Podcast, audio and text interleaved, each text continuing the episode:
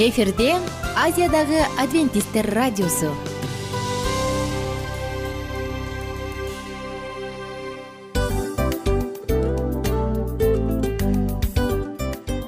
Достор салют. Баардык сүйүктүү угармандарыбызга салам айтабыз. Кутман күнүңүздөр менен. Ден соолук өмүрдүн булагы демекчи саламат саамы программасында баарыңыздарды көргөнүбүзгө абдан кубанычтабыз. Анда алгач амандашып өтөлү арбаңыздар деп. Ден соолугуңуздар кандай элибизде көбүнчө ден соолук кандай дегенде эле жакшы деп жооп беребиз э? ооруп турсак дагы жакшы дейбиз. Анан мен муну айтып ойлойт элем бул абдан сонун сөз депчи анткени бул жакшы деген үмүт да ооба баары жакшы болот баары сонун. Деп үмүттөнүп атып эле өзүбүздү өзүбүз дарылап коебуз. Анысы кандай? Сиздин дагы ден соолугуңуз жакшы беш деген үмүттөбүз чындыгында ден соолук бул өмүрдүн булагы деп бекеринен айтылган эмес деп ойлойм. Кыргыз элинде анткени эгерде ден соолук жок болсо анда адамдын жашоосунда калган баардык керектүү маңыздуу нерселер өзүнүн баалуулугун жоготуп коет. Ошондуктан ден соолук бул эң керектүү нерсе. Ооба туура айтасың кесиптешим. Чынында ден соолугуң жок бир эки үч күн ооруп калсаң эле э кандай болуп калат? Жашоодо көз каранды болуп каласың көп нерсеге жетишпей каласың көп нерсени кыла албай каласың жада калса эшикке дүкөнгө да чыга албай каласың. Туптуура анан ден соолук болсо демек биз биздин бактыбыз тоодой деп койсок болот. Анда достор саламат саамы рубрикабызды баштайлы. Алдыда өзүңүзгө керектүү болгон сонун кеңештерди уга аласыздар. Мына ошондуктан биз менен бирге болуңуздар. Ал эми биз болсо милан жана айнура. Кеттик алга. Алга саламат саама ден соолуктун жарчысы. Саламат саама ден соолуктун ачкычы. Күн сайын сиз үчүн мыкты кеңештер сонун жаңылыктар кызыктуу фактылар. Биздин рубрикада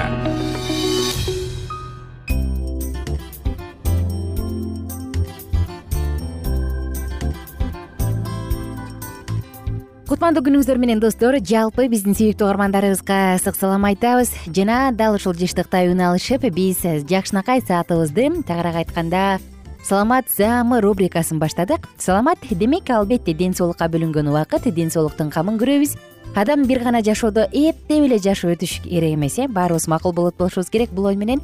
Ар бир адам сапаттуу бактылуу жашагысы келет. Мына ошол жашообуз кыска болобу узун болобу бирок сапаттуу жана бактылуу көз ирмемдерге толук толуп турушу үчүн биз ден соолугубуздун камын көрүшүбүз керек. Мына ошондуктан бүгүн дагы сиздер менен биз пайдалуу суусундуктар деп аталган жаңы циклды ачалы деп турабыз.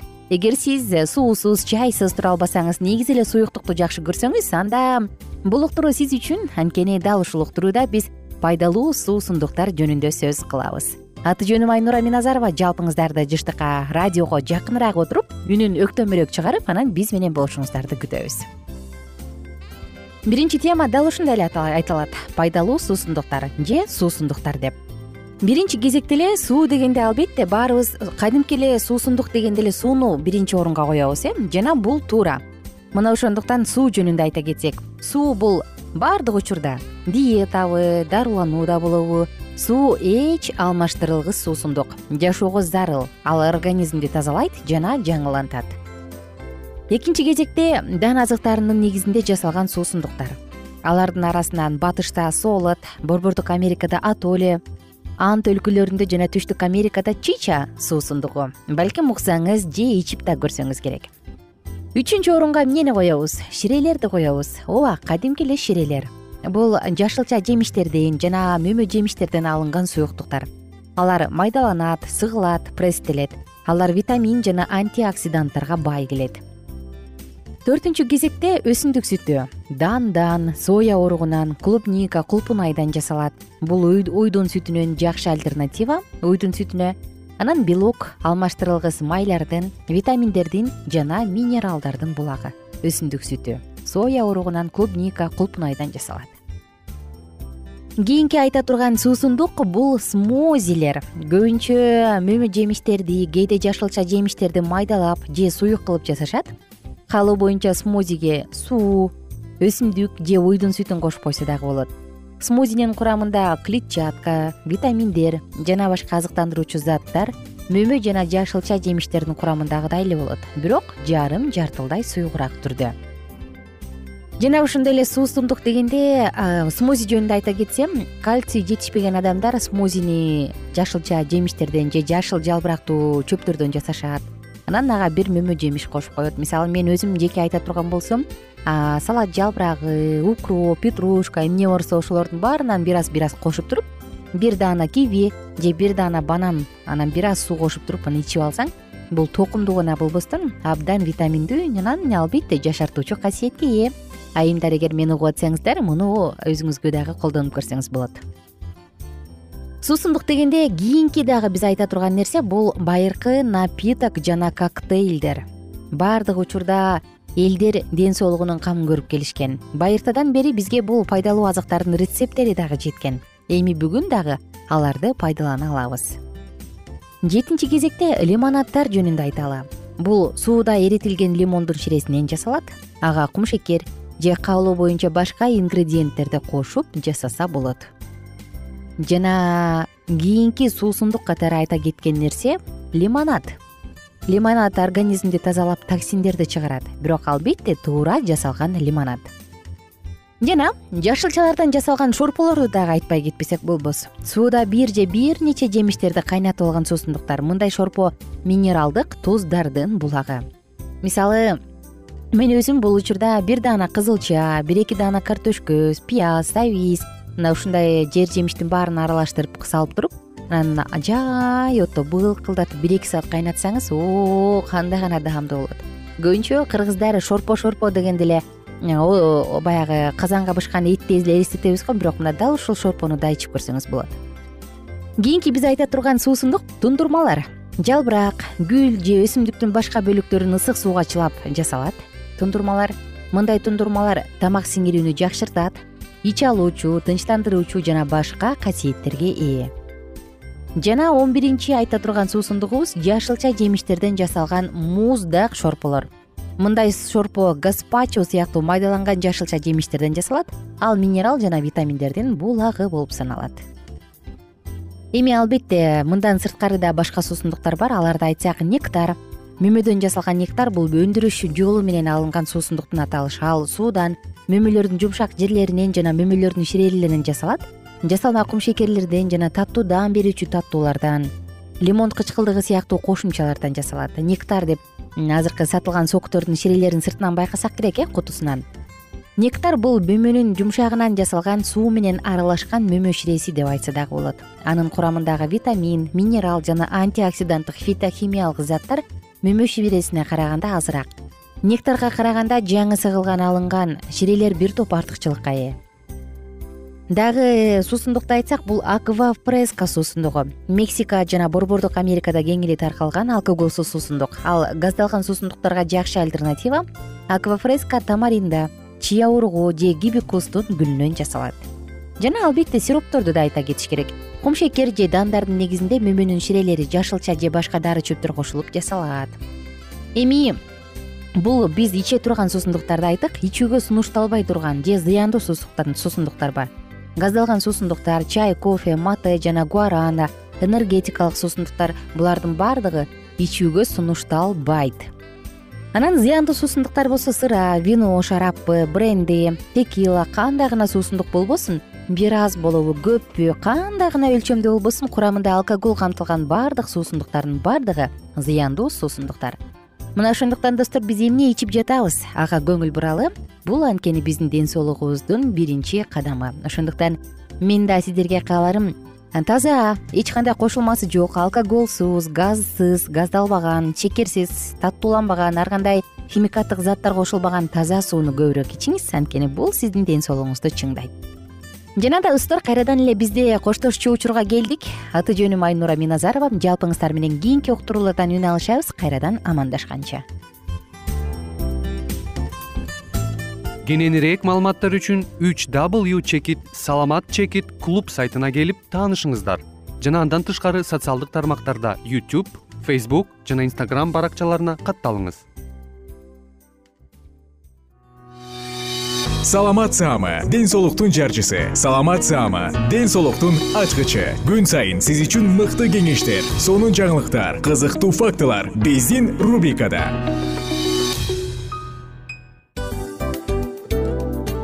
Салам достор. Кайрадан биздин сүйүктүү рубрикабызга кош келиңиздер деп айтмакчыбыз. Баардык замандаштарыбызга арбаңыздар деп саламыбызды айтабыз. Улуу ушундай бир урматтаган учурашуу менен анан дил маек радио баракчабызга чакырабыз. Негизи дил маек биздин рубрикабызда эмне жөнүндө кеп кылабыз бул дил маектин мааниси эмнеде рубрикабыз менен кичине тааныштырып кетсеңиз. Сөзсүз түрдө тааныштыра кетейин кесиптешим суранычы боюнча бул учурда бул радио баракчада биз ар тарап кесип ээлеринен сонун кеңештерди алабыз сүйлөшөбүз сырдашабыз аталарыбыздын эжелерибиздин апаларыбыздын кеңештерин угабыз айтор жан дүйнөгө адамдын э, сапатына адамдын деги эле адам болуп жашашына керектүү баардык кеңештер алдыда. Негизи э, дил маек дегенде баягы эки адамдын ортосундагы сырдашуу кенен сүйлөшүү. Негизи эле биз адамдар бири бирибиз менен бир жерге жай жерге отуруп алып өзүнчө тынч э, жашоо жөнүндө өмүрүбүздө эмне болуп атканын бөлүшкөнү жакшы көрөбүз э адамдар. Ооба туура айтасың анан мындай учурга кээде убакыт да жетпей келет э? Же болбосо сырыңды кайгыңды муңуңду кубанычыңды айткың келет а адамга ишенбешиң мүмкүн. Ооба. А бул радио баракча угармандарыбыздын чыныгы досу. Анткени бизден алган кеңеш сиздин жашооңузга чоң жардам берет. Ал эми сиздин бизге айта турган сөзүңүз ортодо гана сыр бойдон калат. Ошондуктан биздин дил маек рубрикабызга дагы бир жолу кош келиңиздер. Жана биз даярдаган маалыматтарга даяр болуңуздар. Айнура жана милан сиздер менен бирге алдыга кеттик ар түрдүү ардактуу кесип ээлеринен алтын сөздөр жүрөк ачышкан сыр чачышкан сонун маек дил маек рубрикасында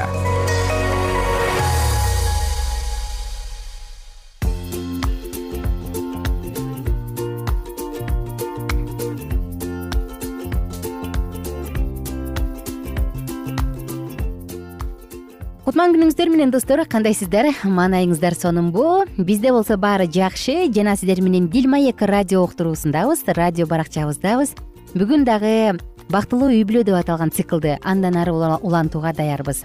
Буга чейин биз уктуруубузда кандай гана асыл кеңештерди угуп келдик. Бүгүнкү темабыз дагы сиздин жашооңузга чоң чоң чоң ийгилик жана чоң пайда алып келет деп ишенем.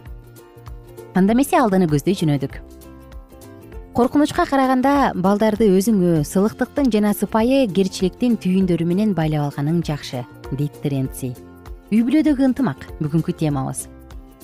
Кээ бир ата энелер өз балдарына түшүнүшпөйт жана чындыгын айтканда кадимкидей тааный алышпайт. Ата энелер менен балдардын ортосунда болуп жаткан келишпестикти биз өтө көп кездештиребиз. Эгерде ата энелер өз балдарынын ой сезимдерин түшүнүп жана жүрөктөрүндө эмне бар экендигин билишсе анда бул балдарга жактыраарлык таасирин тийгизмек. Ата эне өз балдарынын жолдоштору болуусу зарыл дешет. Караңызчы балдардын сүйүүсүн жана ишеничин утуп алыш үчүн жана аларды түз жол менен алып кетиш үчүн тиешелүү болгондордун баардыгын жайлуу шарттар түзүш керек. Эми ата энелерге болгон ишенимдүүлүктү айтсак жаш неристелер ынтымакта сүйлөшүүлөрдү өтө сүйүшөт жана жалгыз калгандыгына ар дайым эле ыраазы боло беришпейт. Алар боорукердик кылууга жана бир нерсеге ортоктош болууга суусап турушат. Мага эмне жагымдуу болсо бул менин апама дагы жагымдуу болот деп ойлошот алар. Жана өздөрүнүн кичинекей кубанычы менен апасын көздөй жөнөшөт.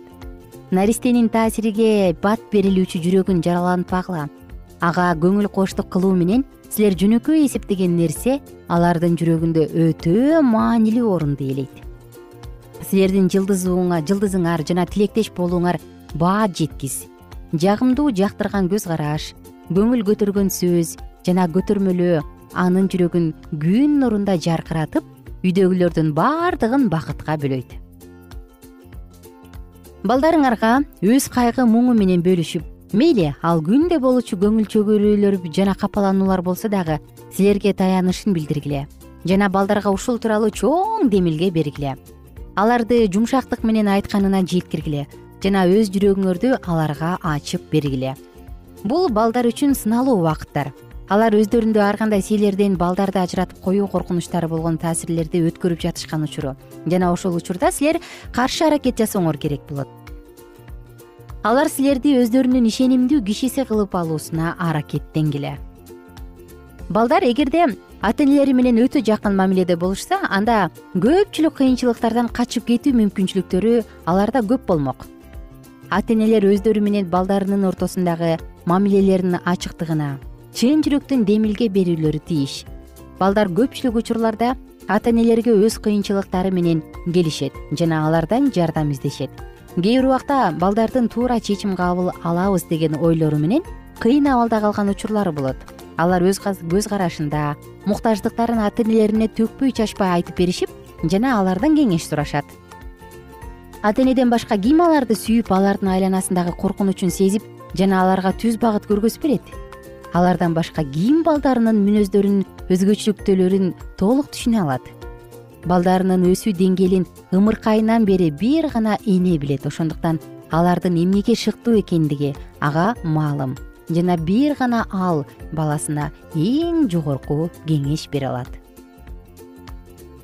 Эми эгерде убакыт аз болсо анда эмне кылыш керек? Убактым жок дейт ата. Менин өз балдарымды тарбиялоого такыр убактым жок. Менин үй бүлөлүк жана коомдук кубанычтарга такыр убактым жок. Анда силерге үй бүлө үчүн жоопкерчиликти алып жүрүүгө болбойт. Аларга тиешелүү убакытты аларга берүүдөн баш тартууңар менен алар силерден алууга тийиштүү болгон таалим тарбиядан ажыратып жатасыңар. Ата эне менен бирдикте наристенин мүнөзүнүн түзүлүшүнө кам көрүп иштеши керек. Менин өз балам менен бирге болууга убактым жок деп көпчүлүк ата энелер даттанышат экен. Анда кудай үчүн өзүңөргө деген убакытты аз короткула. Жасануу боенгучуңарды колдонуу конокко баруу ар түрдүү тамак аштарды даярдоо убакыттарын барктабоо керек.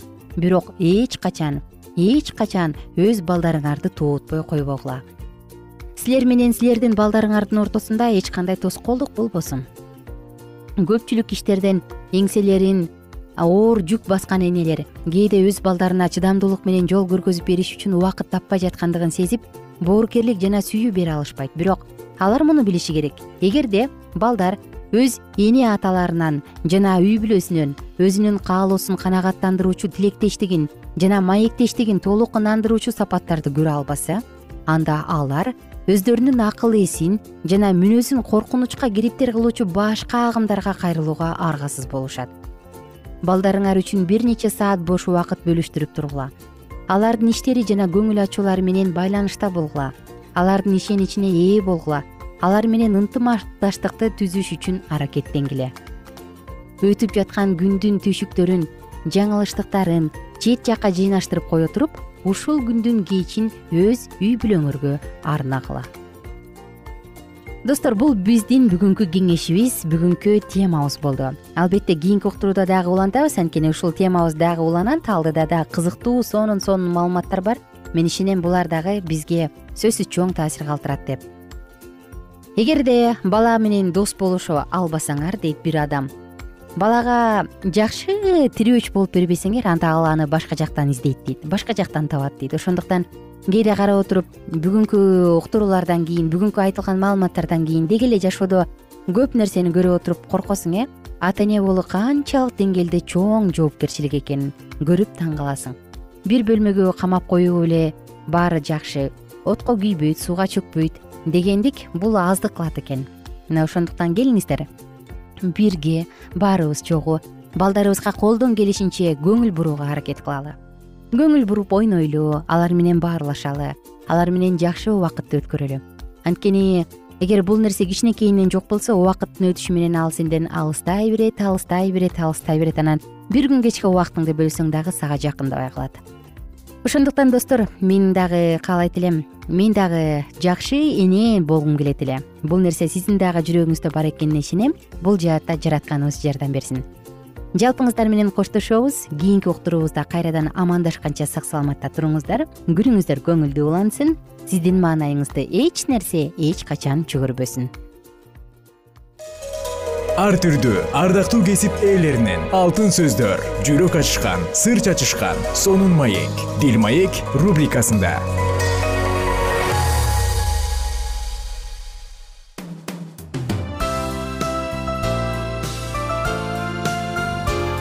Эфирде азиядагы адвентисттер радиосу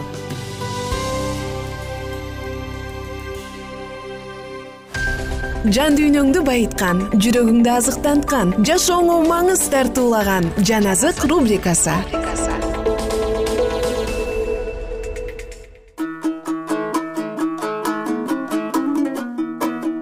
Арбаңыздар кадырлуу кыргыз калкы жалпыңыздар менен жан азык уктуруусундабыз. Жана бүгүн сиздер менен бирге дагы да болсо маанилүү темалардын бири болгон лука жазган жакшы кабарды окууну улантабыз эсиңизде болсо мурунку уктурууда биз лука жазган жакшы кабардан бир нече баптарды бөлүмдөрдү окуп өткөнбүз. А бүгүн болсо темабызды уланталы.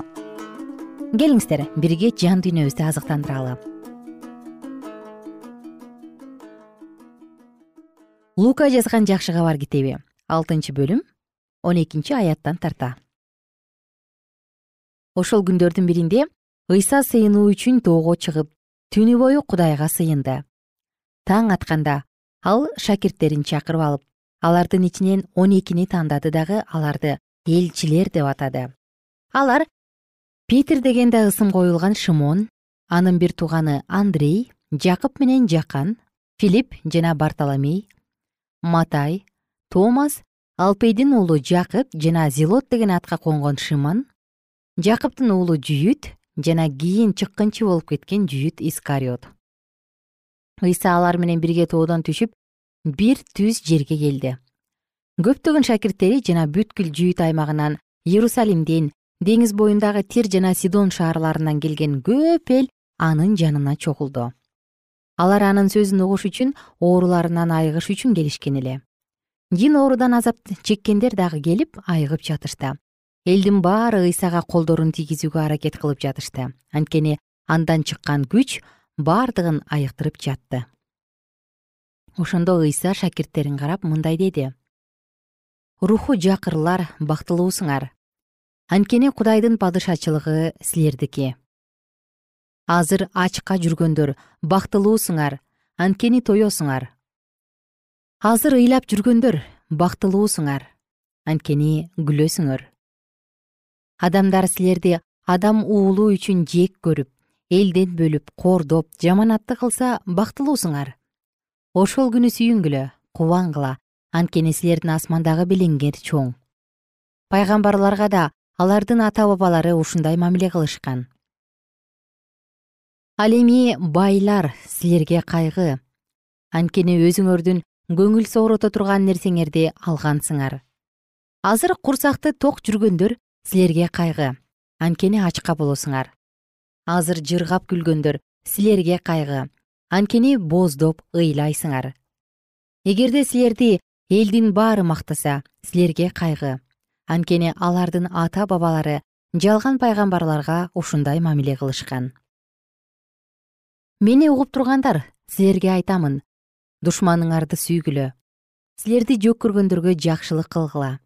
Силерди каргагандарга батаңарды бергиле силерди кордогондор үчүн сыйынгыла оң жакка чапканга сол жаагыңды дагы тос сырт кийимиңди тартып алганга көйнөгүңдү да бер.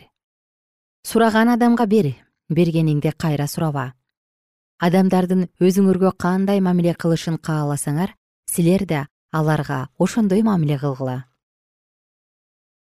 Эгерде өзүңөрдү сүйгөндөрдү гана сүйсөңөр силерге кайдагы сыйлык күнөөкөрлөр деле өздөрүн сүйгөндөрдү сүйүшөт. Эгерде өзүңөргө жакшылык кылгандарга гана жакшылык кылсаңар силерге кайдагы сыйлык? Күнөөкөрлөр деле ошентишет. Эгерде кайтарып бере ала турган адамга гана карызга берсеңер силерге кайдагы сыйлык? Анткени бергенин кайтарып алыш үчүн күнөөкөрлөр дагы күнөөкөрлөргө карызга беришет. Ал эми силер душманыңарды сүйгүлө жакшылык кылгыла эч нерсе күтпөстөн карызга бергиле. Ошондо чоң сыйлык аласыңар. Жана бардыгынан жогору тургандын уулдары болосуңар. Анткени ал жакшылыкты билгендерге да кара ниеттерге да ырайым кылат. Ошондуктан атаңар кандай боорукер болсо силер да ошондой боорукер болгула айыптабагыла. Ошондо өзүңөр да айыпталбайсыңар. Соттолбогула. Ошондо өзүңөр да соттолбойсуңар. Кечиргиле. Ошондо силерге да кечирилесиңер бергиле ошондо силерге да берилет. Жакшы ченем менен ченеп ыкшап бастырып ашыра толтуруп этегиңерге төгүшөт. Анткени кандай ченем менен өлчөп берсеңер силерге да ошондой ченем менен өлчөнүп берилет. Аларга дагы мындай үлгү насаат кеме айтты. Сокур сокурду жетелеп жүрө алабы. Экөө тең чуңкурга түшүп кетпейби шакирт өз устатынан жогору болбойт бирок үйрөнгөндөн кийин ар бир шакирт өз устатындай болот сен эмне үчүн өз көзүңдөгү дөңгөчтү көрбөйсүң да бирөөнүн көзүндөгү кыпынды көрөсүң? Сен өз көзүңдөгү дөңгөчтү көрбөй туруп кел бир тууганым көзүңдөгү кыпынды алып салайын деп кантип айта аласың? Эки жүздүү адегенде өз көзүңдөгү дөңгөчтү алып сал. Ошондон кийин гана бир тууганыңдын көзүндөгү кыпынды кантип алып салуу керек экендигин билесиң. Жакшы дарак жаман жемиш бербейт. Жаман дарак жакшы жемиш бербейт ар бир дарак жемишинен билинет. Анткени тикенектен анжыр бадалдан жүзүм теришпейт жакшы адам жүрөгүндөгү жакшы запасынан казынасынан жакшы нерсе алып чыгат. Жаман адам болсо жүрөгүндөгү жаман казынасынан жаман нерсе алып чыгат. Анткени адамдын жүрөгү эмнеге толуп ташыса оозу ошону сүйлөйт. Эмнеге силер мени теңир теңир деп чакырасыңар да айтканымды кылбайсыңар мага келип сөздөрүмдү угуп аткарган адам кимге окшош экенин силерге айтып коеюн ал жерди терең казып пайдубалын таштан коюп үй курган адамга окшош. Суу ташкындап үйдү каптаганда үй козголгон жок анткени анын пайдубалы таштан болчу. Ал эми сөздөрүмдү угуп бирок аткарбаган адам үйүн жердин эле үстүнө пайдубалсыз курган адамга окшош. Суу ташкындап үйдү каптаганда үй ошол замат кыйрады ал үй зор кыйроого учурады.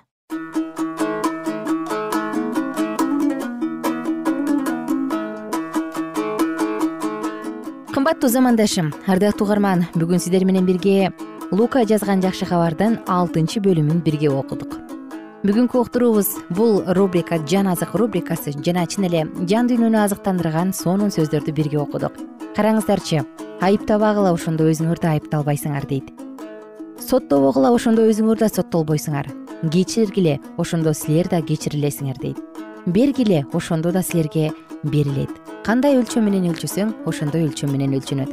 Бул сөздөр жашообузда мыйзам боло турган болсо албетте анда биз эң баталуу адамдарбыз. Кайрадан жалпыңыздар менен амандашканча достор бар болуңуздар бай болуңуздар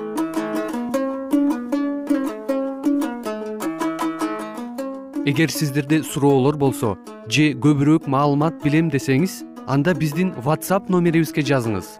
Плюс бир үч жүз бир жети жүз алтымыш алтымыш жетимиш. Кайрадан плюс бир үч жүз бир жети жүз алтымыш алтымыш жетимиш